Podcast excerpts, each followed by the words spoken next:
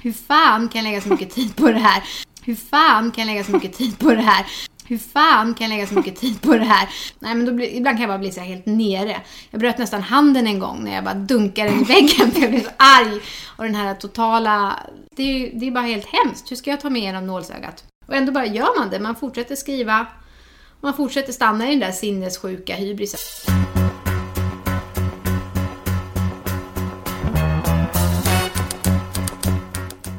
Det är jag som är Nina De är. Och det är jag som är Johanna de Valiant. Och vi tänker debutera. Eller dö.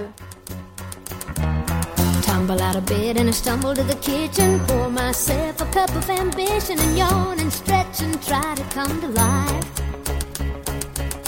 Jump in the shower and the blood starts pumping. Out on the streets, the traffic starts jumping with folks like me on the job from nine to five.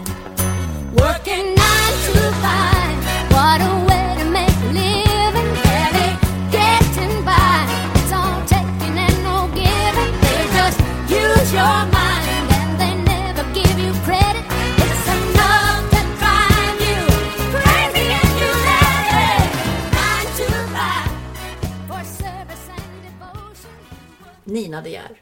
Vem är du? Jag brukar säga att jag är författare. Och jag har gjort det i några år nu. Så jag börjar tro på det. Men det jag har gjort, det är ju det här klassiska. Att jag har utbildat mig i kreativt skrivande. Gått skrivlinjer. Jag har drivit ett skrivkollektiv. Jag har fått ut olika noveller i tidningar och antologier. Men jag har inte fått ut någon roman än. Och ändå kallar du dig för författare. Ja, är det dumt? Nej, jag vet inte, jag tycker det är modigt. Men vad skulle du säga att du är? Det finns ett kinesiskt ordspråk som säger att man ska ha fött ett barn, planterat ett träd och skrivit en bok innan man dör. För att förverkliga sig själv. Mm. Så var är du nu på de där stegen? Jag har fött två barn. Jag med. Jag har planterat många träd. Jag med. Och sen har vi det här med en bok. Och det är ju fortfarande en stor drivkraft hos mig. En, Mm. Ett kall. Det är inget jag bara vill göra för att ha gjort, utan jag, jag måste skriva en bok. Mm. Det är det här plågsamma kallet. Det är som ett tvång. Men vi är ju ändå så dumma så vi fortsätter. Japp. Så vi kan väl säga att vi gör den här podden då tills någon blir antagen hos ett förlag. Som ett vad menar du? Ja, varför inte? Då har vi ett konkret mål. Ja. Ja, Jag är inte mycket för att tävla, men fira det gillar jag. ja det gillar jag också. Ja. Ja, ja men då säger vi så då. Okej.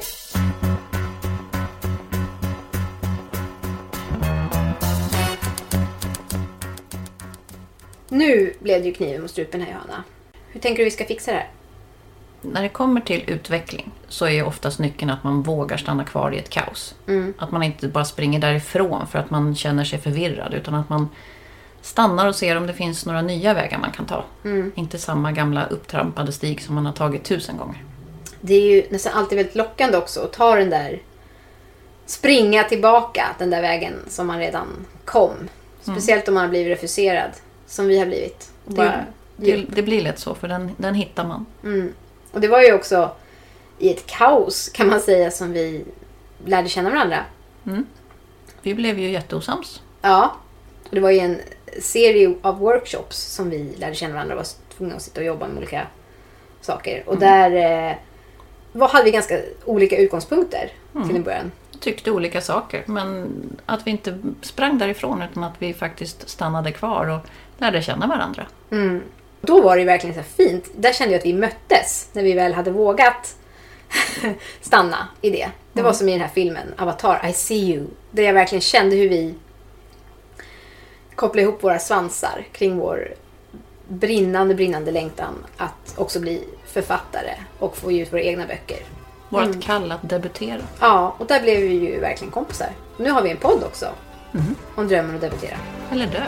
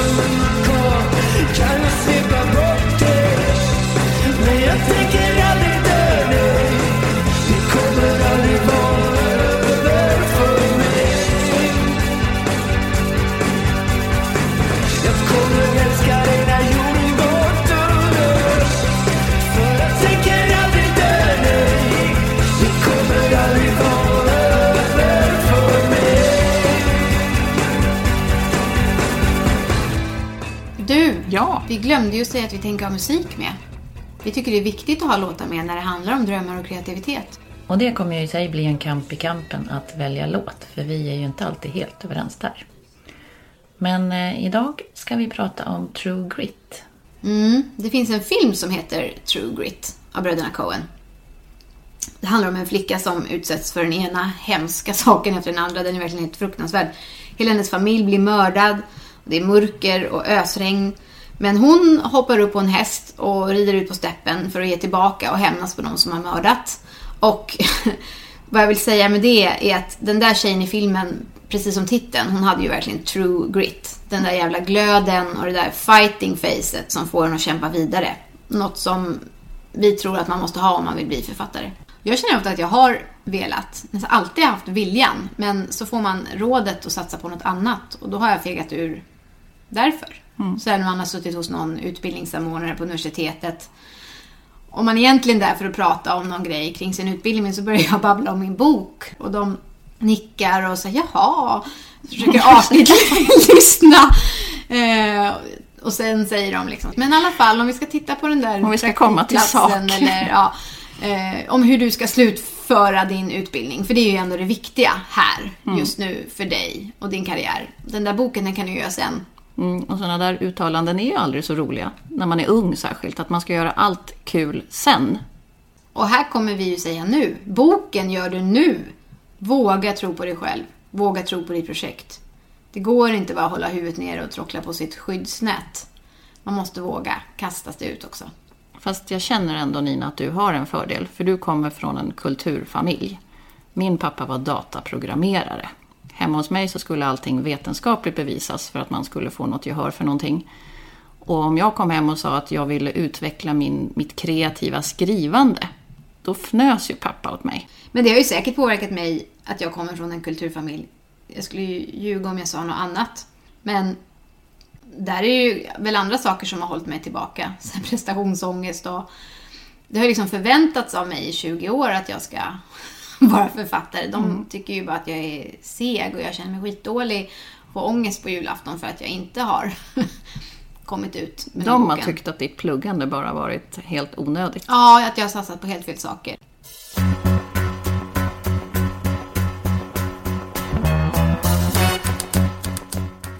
Men det här med att vilja debutera och varför det är så svårt. Jag kan ju bli helt svart ibland när jag läser Boklördag-idén. Så här, man läser om debutanter som är tio år yngre än mig, som har en fantastisk karriär inom svenskt näringsliv. De har noll skrivtid och här, fyra barn.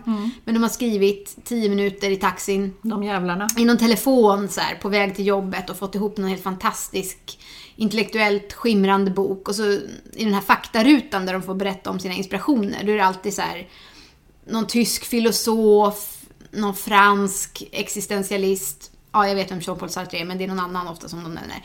Och jag bara undrar så här, vad, hur hänger det här ens ihop? Jag som har två barn och försöker ha skaffat skrivtid i mitt liv. Jag kommer aldrig nå dit. Jag får sån ångest och känner mig så dum och bara, det kommer kommer. aldrig bli någonting.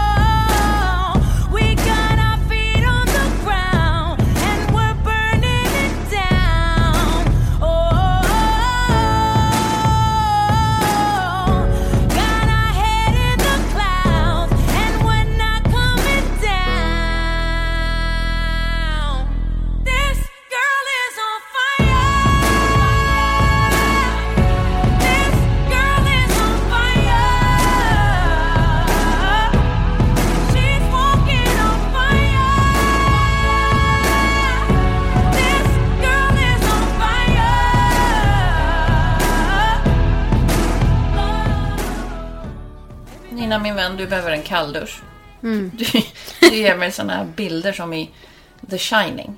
Du vet, bra Jack, film. Ja, när Jack Torrance sitter vid sin skrivmaskin och skriver och skriver och skriver och skriver och skriver. Och när det sen visar sig att allt han skriver är bara en och samma mening hela tiden. Det är obehagligt. Det är den scenen i filmen som jag tycker är läskigast. Jag förstår precis. Vad var det han sa? All work and no play makes Jack a dull boy. När jag var liten och läste den boken, då tyckte jag ju såklart att blod och labyrintjakter och alla spökscener var De jätteläskiga. där barnen. Precis, come out and play. Men i vuxen ålder så störde jag mig mer på att jag tyckte att han var som en bortskämd liten gris. Mm, han får bara sitta där. Han har oceaner av tid. Hans familj supportar honom fullt ut.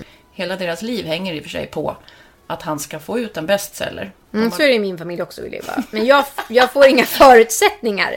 För min familj håller inte sig undan och fixar med fjällhotellet under tiden. Nej, och sen har du inte ett fjäll, en fjällvärld utanför utan det, det pågår ett liv utanför. Men Ja. han var ju insnöad.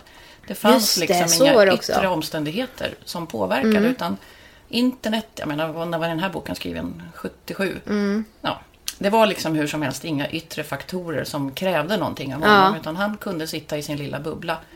Och han bara sjabblade bort alltihopa och satt där och var gnällig. Han är jädrigt slapp.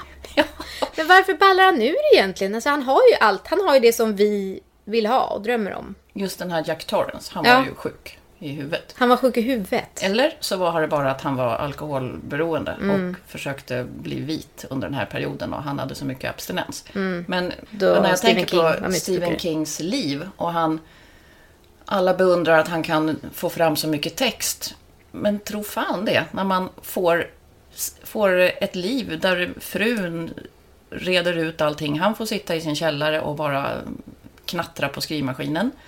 Och sen Jag tror han har en så här stor etagevåning med utsikt i och för sig. Nu för tiden. Ja, jag såg framför mig en källare. Men han kanske började i en källare. Ja, men det gjorde han nog. Ja, och så sitter han där nere. Nu kanske han inte längre dricker rödvin hela tiden, men på den tiden gjorde han det. Och så gick han in i Öl var det. deliriumtillstånd. Och bara skrev och skrev och skrev och skrev. Och sen när han var färdig så kommer han upp till sin fru och då släpper hon allt hon har för händerna. Och sen så får hon ge honom feedback och säger att han är duktig. Ja, han test, eller hon testläser ju alla hans böcker. Full support. Och han sitter och tittar på henne under tiden. Lite så här självgott. När hon, han vill ju se hur hon reagerar på varje sida. Har jag för mig jag har läst. Okej. Att, eh, Men Ja, hur det som helst, vem har den supporten hemma? Men han fick den. Mm. Och har.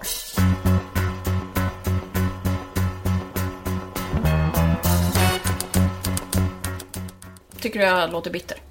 Alltså jag tänker på Tabitha King. Tror du hon är bitter eller? Hon, har, hon är också författare och har en master i engelsk litteratur precis som Steven. Men hon har ju skrivit sju eller åtta böcker. Medan han har skrivit 50 plus. Bara eget namn, någonting. Så det är ju ganska tydligt där vem som har tagit hand om deras tre barn. Och liksom vem som har fått stå tillbaka. Och hur ska hon hinna skriva själv om hon ska sitta och läsa alla hans tusen sidor? Och sen ska de korta ner det till bara 600 sidor. Ja, ja men precis. Samtidigt så minns jag att det var väldigt fint i den här uh, on-writing som han har skrivit. Hans eh, ja, bok om skrivande. Att han verkligen hyllar henne som den bästa författaren han vet och känner och ger tips på hennes böcker och sådär. Men det är ju ändå... Ja, det är ju inte, det är inte... Hon är nog inte helt obitter. Vill jag inbilla mig. Eller vad vet jag. Men apropå den boken så tänker jag ju på eh, att han säger ju gång på gång på gång också så här. Don't you worry so much about the ending. Att det löser sig och skriv bara och sådär. Det kan ju också kännas lite... Ja men det är lätt för honom att säga som har den här tiden och han kan gå och fnula med det här. Han har olika redaktörer och han har Tabita, briljanta Tabita som coachar honom. Men för mig att inte oroa mig för slutet och bara gå på feeling, det är ju så här kamikaze uppdrag nästan. Det blir ju ingenting då. Ja, Så det- där tycker jag det förstörde lite för mig faktiskt. När jag lyssnade på det de första åren av mitt skrivande. Mm. Det där uh, oroa mig inte för slutet. För då blir det ju dåligt slut. Det är väl också så att jag tänker att om man har sådär obegränsat mycket tid så kan man lägga mycket tid på att skriva saker som man sen slänger. Mm. Men när, det, när det, tiden är begränsad så måste man vara lite mer fokad på vad man, vart man är på väg. Mm. Mitt största hinder för min grit är ju just det här att våga ta den här platsen som, som han gör i familjen och i omgivningen. Att våga hävda för alla andra att min skrivtid är viktig. Och även våga hävda den för mig själv. Och jag kommer inte våga det förrän jag har blivit en utgiven författare. Men det blir ju här moment 22. Jag Hur ska du då hinna? Jag vet. Jag ska fan vinna det här vadet Nina. Ja, men då får du ju gå ner i din källare.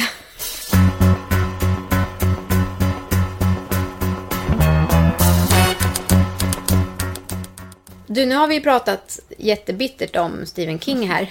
Men ska vi prata om mer om böcker kanske? Och vilka som faktiskt inspirerar oss, som inte bara gör oss arga. Mitt första minne av att tänka att jag kunde bli en författare kan vara 20 år sedan. Vi var på Street. Eh, Där hade de en stå-upp-scen. Och på den var det Jonas Gardell och sen den helt okända kända Petra Mede. Eh, Hon var konferencier och satt och intervjuade Gardell. Och i pausen, jag kan väl tillstå att jag inte bara hade druckit mjölk och vatten, så stod de och pratade och jag armbågade mig fram för att prata med min idol Jonas Gardell. Knuffade undan Petra Mede, som är en ganska stor växt. Men ni är lika långa ungefär, eller? Ja, Så du kunde ju lätt tackla henne. ja jag, jag fick iväg henne för att ta mig an min idol och säga att du, om du kan bli författare, då kan jag det också. Sa du det? Ja, förmätet. Och sen så uttryckte jag att eh, om jag någon gång vinner en lunch, då man får välja vem man ska äta med, då kommer jag välja dig. och du Mm. Vet hans minspel. Ja. När han spänner käkscenerna. Alltså hela nyckelbenen och Ja. allt bara... Uh, och är så såg så här Ja. livrädd ut och bara Vilken tävling är det? han fick panik. Han hade aldrig hört talas om att han deltog i någon liknande tävling. There's no such thing as a free lunch. Var det inte någon nobelpristagare som sa det? jag hade väl mer läst i min häst att man kunde vinna en lunch med sin idol. Ja. Typ då ryttare. Ja. Eller, Typ i KP och sånt där också. Mm, Ja. Precis. Så det var med den influensen Mm. jag tyckte att jag kunde vinna en lunch med Gardell. Men dit jag vill komma är att när jag läste Gardells böcker så kände jag att han hade ett språk som jag dels inte ligger jättelångt ifrån tyckte jag. Det Mm. kändes som att där skulle jag kunna prestera. ja, men det är en jätteviktig grej det du säger nu. Att känna den där... äh, Att det finns någonting här. Att där är jag något på tråden. Men framför allt att det var så jag med träning och övning ville kunna uttrycka mig. Ja. Han vet att det är viktigt med ett slut. Ja.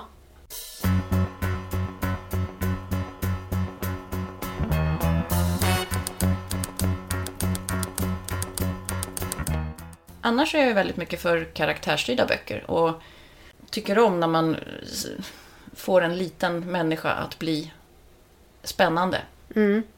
Jag försöker få fram det också när jag skriver att komma människor in på livet. Eh, Och här tycker jag Fredrik Backman är en stor förebild. Jo, men min största hjältinna är ju Margaret Atwood. Som skrivit över 40 romaner. Och det är lite roligt om man tänker kopplat till Stephen King. Att jag vet ju att hon också skaffade bara ett barn. Och hon har tagit sitt skrivande på allvar. Så för att vara kvinna så har hon... Hon har skrivit så mycket kanske för att hon har vägrat ta den där andra rollen och stå tillbaka. Mm. Hon har tagit sin plats i källan. Ja, men precis. Det tror jag verkligen. Det jag går igång med Atwood är att jag tycker hon har den här förmågan att skriva om märkliga miljöer. Och då hur de påverkar människan. Och det är hon en stor, stor inspiration i mitt skrivande. Där miljön är viktig. Annars så tänker jag väldigt mycket på Marie Hermansson när du berättar om, om Atwood. Ja, gud, jag älskar ju Hermansson också. Gör du? Då är vi, vi är överens Nina. Ja, men hon är ju crazy. Alltså hon har ju det här... Um, ja, väldigt spännande um, Men jag mixer. älskar det här suggestiva. Mm, extremt suggestivt är det ju. När man inte vet om det är sanning eller fiktion. Mm. Det är lite Twin Peaks nästan, så det är en sån här dvärg under en trappa. Ja. Är det en verklig människa eller har han inbillat sig hela historien? Precis, och... är det huvudkaraktären som är galen eller är det omgivningen mm. som är galen? Mm. Det tycker jag är en, ett jättespännande spel. Mm, helt fantastiskt. Mm.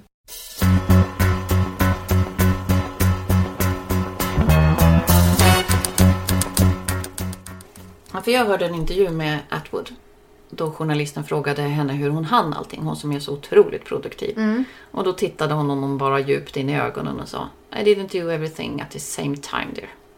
Men det är ju så fint. Jag kan verkligen se hennes kloka blick också när hon säger det. Och det ger mig hopp. Ja, det förstår jag. Du som är mitt i småbarnsfamiljen och allt. Det är verkligen något för dig att tänka på. Ja, och det för oss in på nästa avsnitt som vi tänkte ägna åt den heliga skrivtiden. Skrivtid som har blivit en svordom. Ja, det är minerad mark ofta. Just att det påverkar alla andra i- ens liv på ett jobbigt sätt.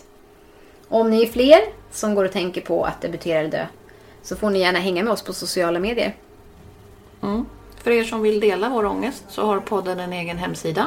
Debutera eller dö.se utan prickar. Och sen har vi en Facebook-sida som vi gillar om ni gillar. Vi finns också på Instagram. Jag heter Nina Diär i ett ord. Och jag heter Johanna de Valiant i ett ord.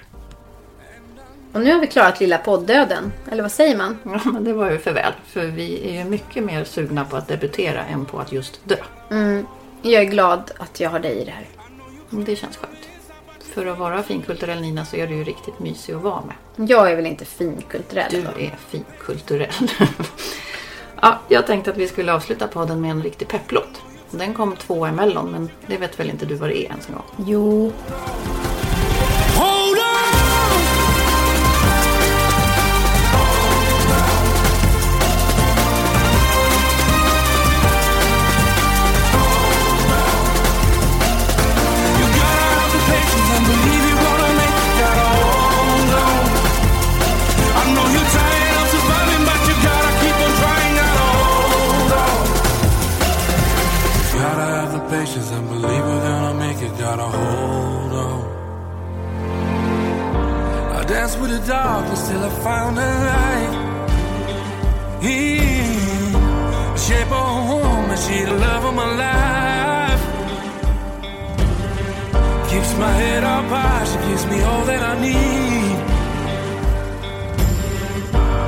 Picks me right up when I'm down on my knees. You gotta have the patience and believe you're gonna make it. Gotta hold on. Oh, I know you're tired of surviving, but you gotta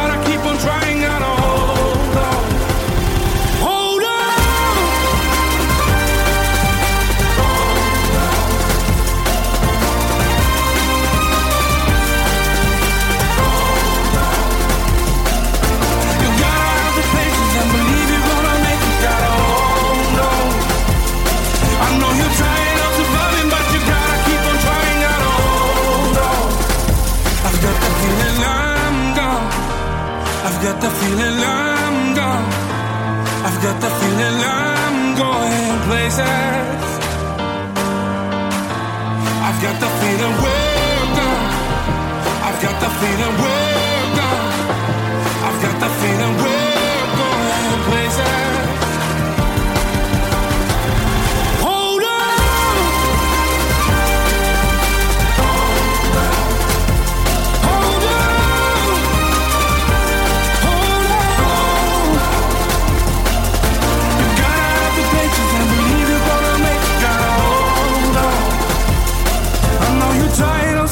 but you gotta keep on trying. Gotta hold on.